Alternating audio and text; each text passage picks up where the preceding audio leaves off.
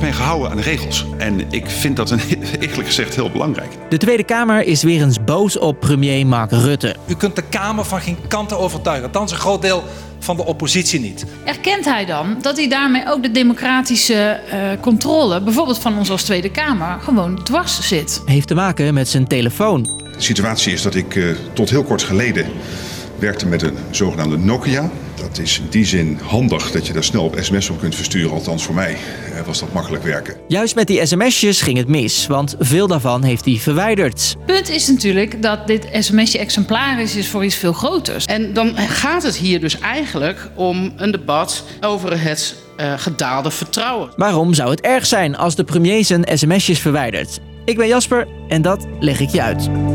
Lang verhaal kort. Een podcast van NOS op 3 en 3FM. Jij belt, appt en scrolt waarschijnlijk op een smartphone. Maar Rutte, sms liever op een oude Nokia.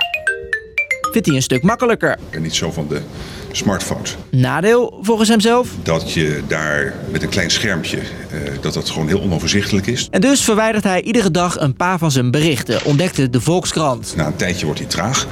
Als er duizenden opstaan moet je ze eraf halen, anders gaat dat niet meer.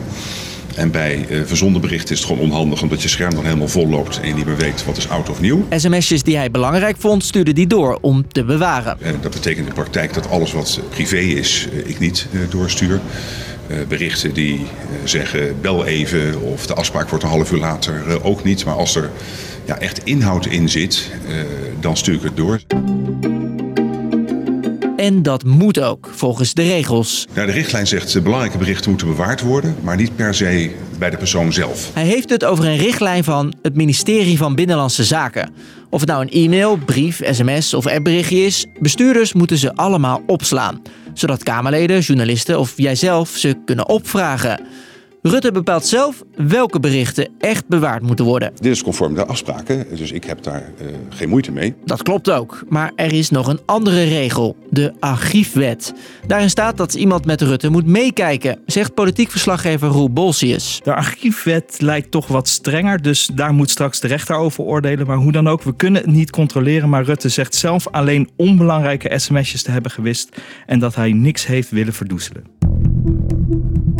Oppositiepartijen zijn nogal kritisch op Rutte's sms-beleid. Het gaat niet om iets kleins als een sms'je.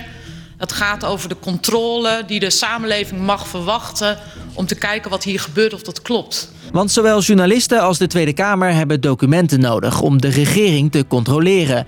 Heeft Rutte geen berichten achtergehouden? Vragen Kamerleden zich af. Nee, niet, nooit bewust. Maar het kan natuurlijk altijd zijn dat als iemand al die sms'en ziet, zegt: hé, hey, dat had ik eigenlijk dat je ook moeten doorsturen. Dat kan natuurlijk altijd. Je maakt iedere keer die weging. Nog een kritiekpunt. Het is volgens Kamerleden niet de eerste keer dat Rutte een document mist of een detail is vergeten. Daar gaan we weer. De heer Rutte is een soort van politieke Bermuda-driehoek. Heeft gelogen over Pieter Omzicht functie elders.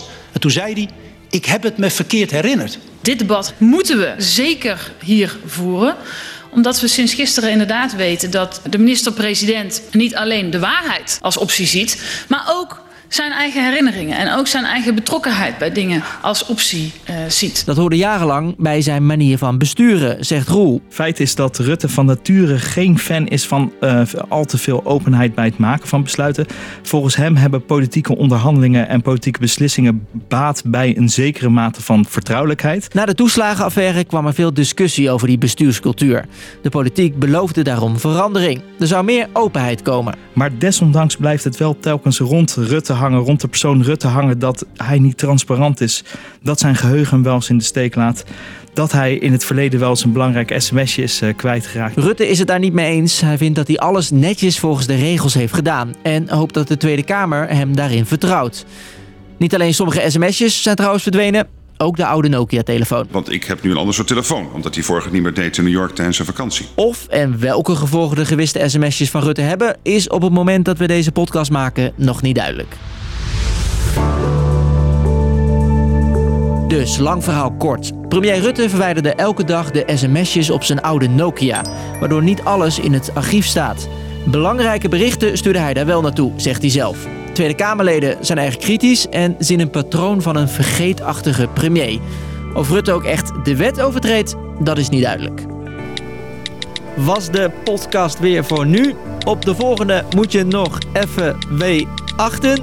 Elke werkdag verschijnt er rond 5 uur een nieuwe in je app. BRB. Doei!